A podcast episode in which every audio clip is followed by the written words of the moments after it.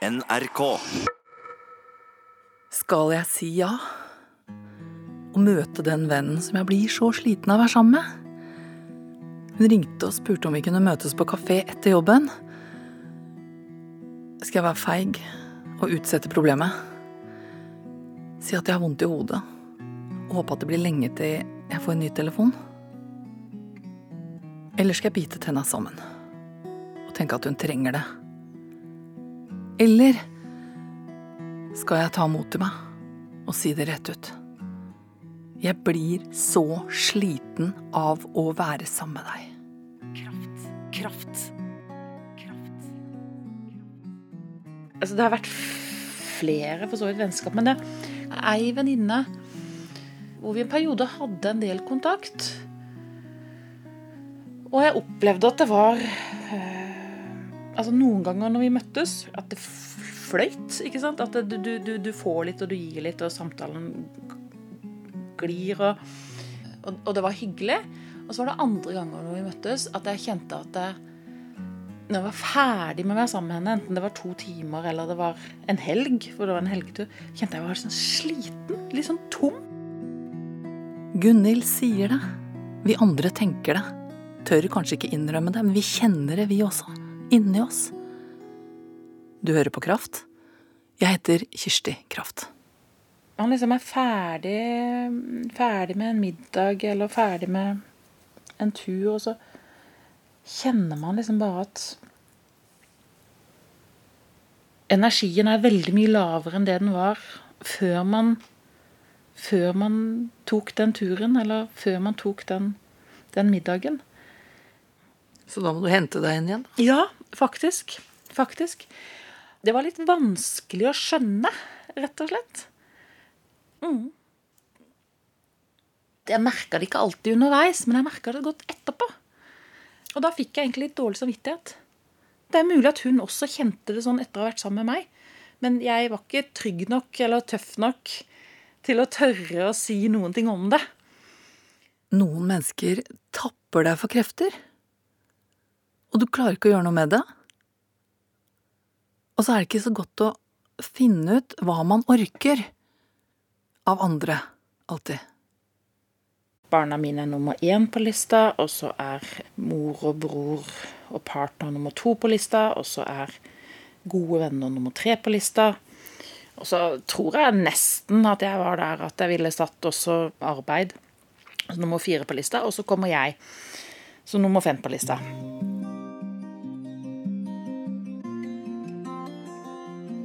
Seg selv på femteplass.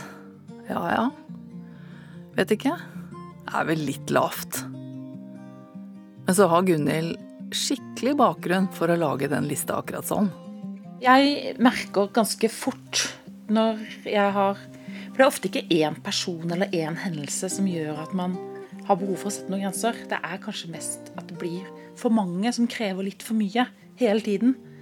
Altså, jeg er en person som Jeg er glad i ansvar. Jeg er glad i at det er mye som gjør. Jeg er glad i at det er mange mennesker som har lyst og behov for at jeg bidrar på en eller annen måte. Det er da jeg trives best. Men så hoper det seg opp, og så blir det for mye. Og det jeg merker det først på, det er at jeg blir, jeg blir streng og irritert. Når jeg blir litt sånn streng og kort og irritert, så kan det hende at jeg da må si til dattera mi at det vil jeg ikke i kveld. Når hun spør meg om å hjelpe til med et eller annet, eller spør meg om å gjøre et eller annet. Det er jo ikke alltid det skjer, da. Um, så det som skjer hvis uh, jeg har stukket meg litt for langt, uh, litt for lenge, og jeg ikke helt klarer å være bevisst, det er at jeg begynner å småkjefte. Jeg småkjefter litt her og småkjefter litt der, og inni hodet mitt, så når jeg da går opp trappa, og ser at det ligger litt rot der, og han har ikke rydda den jakka der, og uh, Og når jeg kommer på badegulvet, og der liksom ligger alle disse klærne fra fotballtreninga til den ene sønnen min. De ligger liksom strødd rundt badekaret, og så ligger treningsklærne til kjæresten min til tørk på gulvet borti andre hjørnet. Så inni hodet mitt da så er jeg dødssur, og jeg syns alle bare er skikkelig kjipe og skikkelig vanskelige og helt håpløse som ikke kan ta noe ansvar for seg sjæl. Og det er bare meg som driver på å gjøre alt her. Men foreløpig skjønner ikke du at det handler om noen grenser? Nei, det er ikke alltid jeg gjør det, da.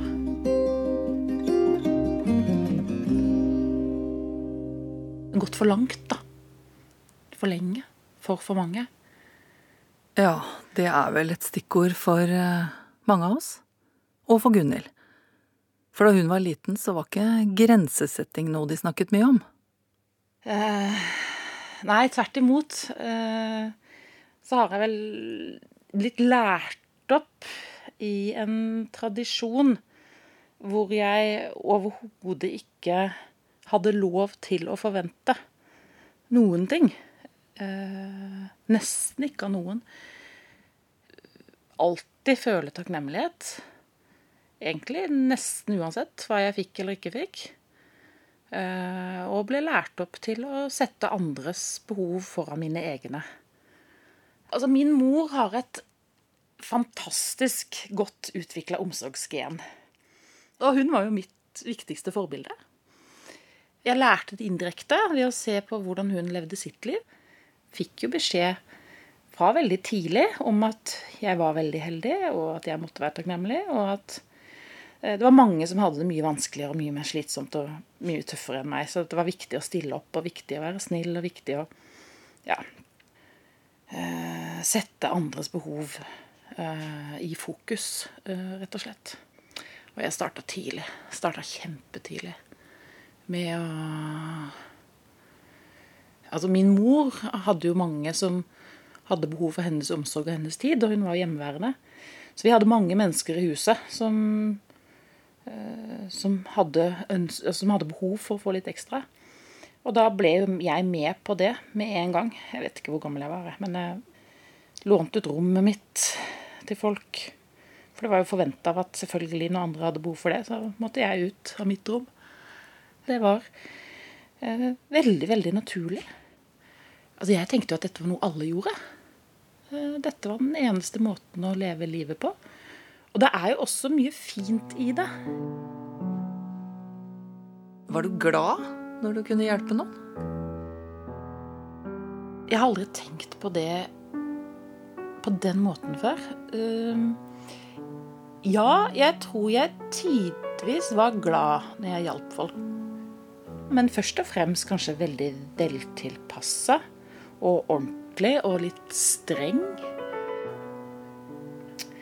Veldig veslevoksen. Jeg tok nok for mye ansvar og dirigerte og ordna og fiksa og Så du var litt sånn tante Sofie? Ja, jeg var det. Jeg var det. Litt sånn irriterende grei? Ja, jeg tror kanskje det. Men så kom eh, kvisene og puberteten. Gunhild ble 13, 14 og 15 år. Og da dukket det opp noen kritiske tanker. Og da begynte jeg nok øh, å kjenne på og tenke over forskjellen på mine behov og andres behov. Kristendommen jo, er jo viktig.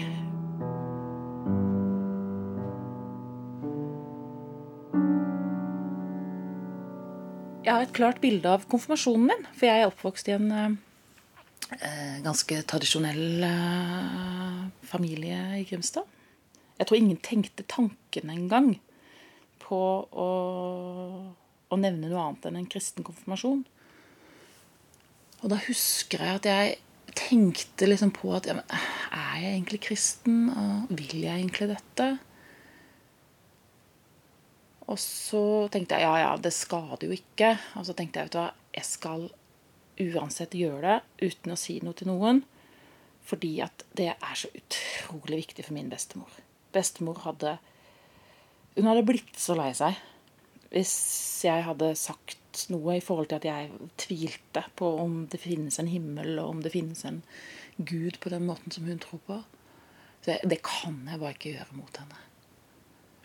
Så kom jeg det siste år på ungdomsskolen, Og da husker jeg jeg gikk inn til mamma på en eller annen gang på høsten der, og så sier jeg til henne at du, nå vil ikke jeg fortsette å bli med i kirka på søndagene. For det, det, det er ikke riktig for meg. Men du får ikke lov til å si noe til bestemor. Jeg nekter deg å si dette til bestemor, for hun kommer til å bli så lei seg. Uh, og det respekterte hun. Gunhild er gravid. Hun skal få sitt femte barn om ikke lenge. De eldste er tenåringer. Gunhild ringer ikke ofte til moren sin, men i dag har hun lyst til det.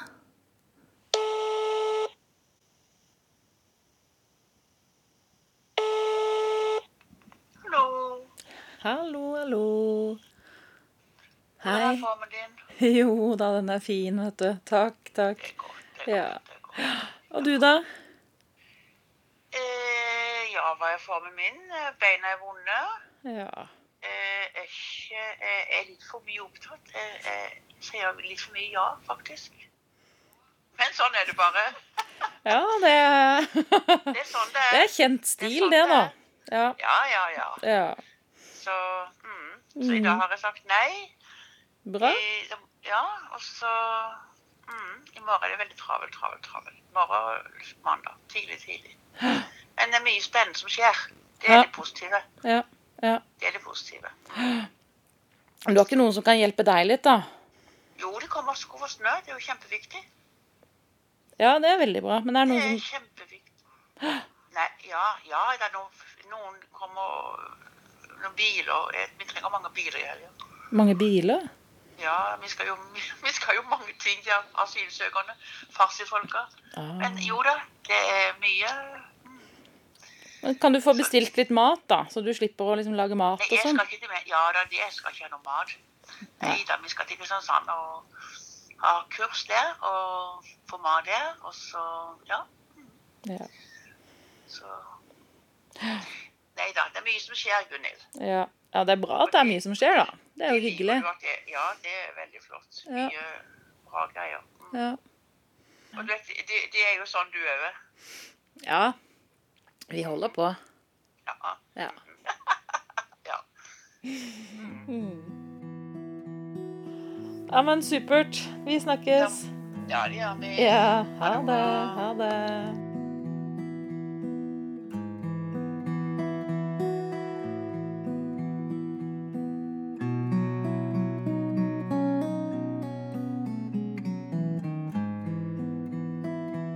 Jeg husker at eh, til påske eh, i tredje klasse på videregående så var jeg veldig, veldig sliten. Jeg vet ikke helt hvorfor det kom opp, men det var i hvert fall spørsmål om jeg skulle da passe en eh, Eller ha, ha, ha en eh, yngre gutt, eh, en liten gutt på besøk. eh, For å passe han, fordi han, de hadde behov for noe avlastning i forhold til han. Og da sa jeg eh, ja, ja, ja, ja, selvfølgelig. Og da var det faktisk min mor. Hun har, eh, selv om, og Da så nok hun at jeg var veldig sliten. Eh, og da sa hun at det skal ikke du gjøre denne påska her.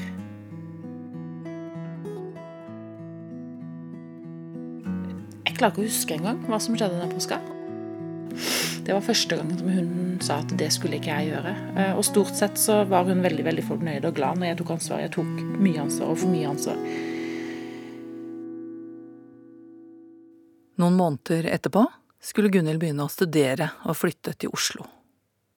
Og jeg kom jo da fra en liten by hvor jeg var vant til å, vant til å ha mye ansvar og ta mye ansvar og være viktig for andre mennesker. Og så kommer jeg hit til Oslo, og det var beintøft. Eh, For hvem er jeg? Altså, jeg har jo ikke noe Det er jo ikke Jeg er jo noe i egenskap av å være noe for andre. Så jeg har jo ikke en e... Altså, det at jeg skal bruke penger på å gå på kafé bare for min egen del, hvis ikke jeg skal gjøre det for å glede noen på den kaféturen, så er jo det bortkasta. Hvis jeg bare skal liksom gjøre noe bare for meg sjøl, så er jo egentlig hele min eksistens er, Det er ikke noe mening i min eksistens, rett og slett. Og så skjønte jo jeg heldigvis da, at det å tenke sånn, eh, det var veldig rart og veldig sært. Eh, så det Her måtte jeg gjøre et eller annet, for jeg kunne jo ikke gå gjennom livet og, og, og tenke på den måten at jeg er ikke verdt at jeg skal gjøre noe hyggelig bare for meg. Eh, men så visste jeg ikke hva jeg skulle gjøre, da. Og hva er det jeg liker å gjøre hvis jeg kan velge helt fritt? Vet du hva, Det visste ikke jeg.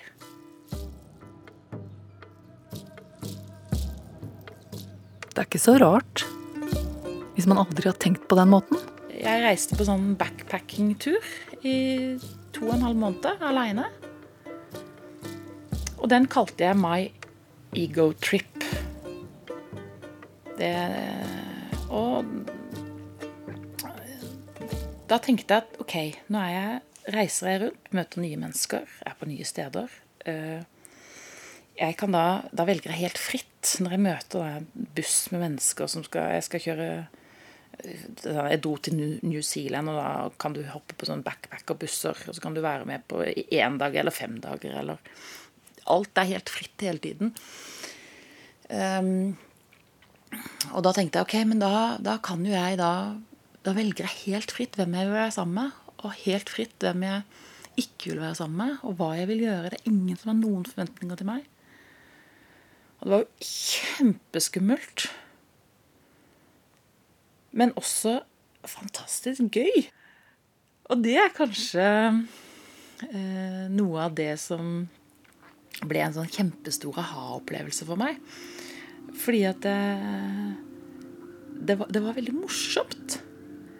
Eh, og det å gjøre noe bare fordi det var morsomt for meg, det var helt fantastisk.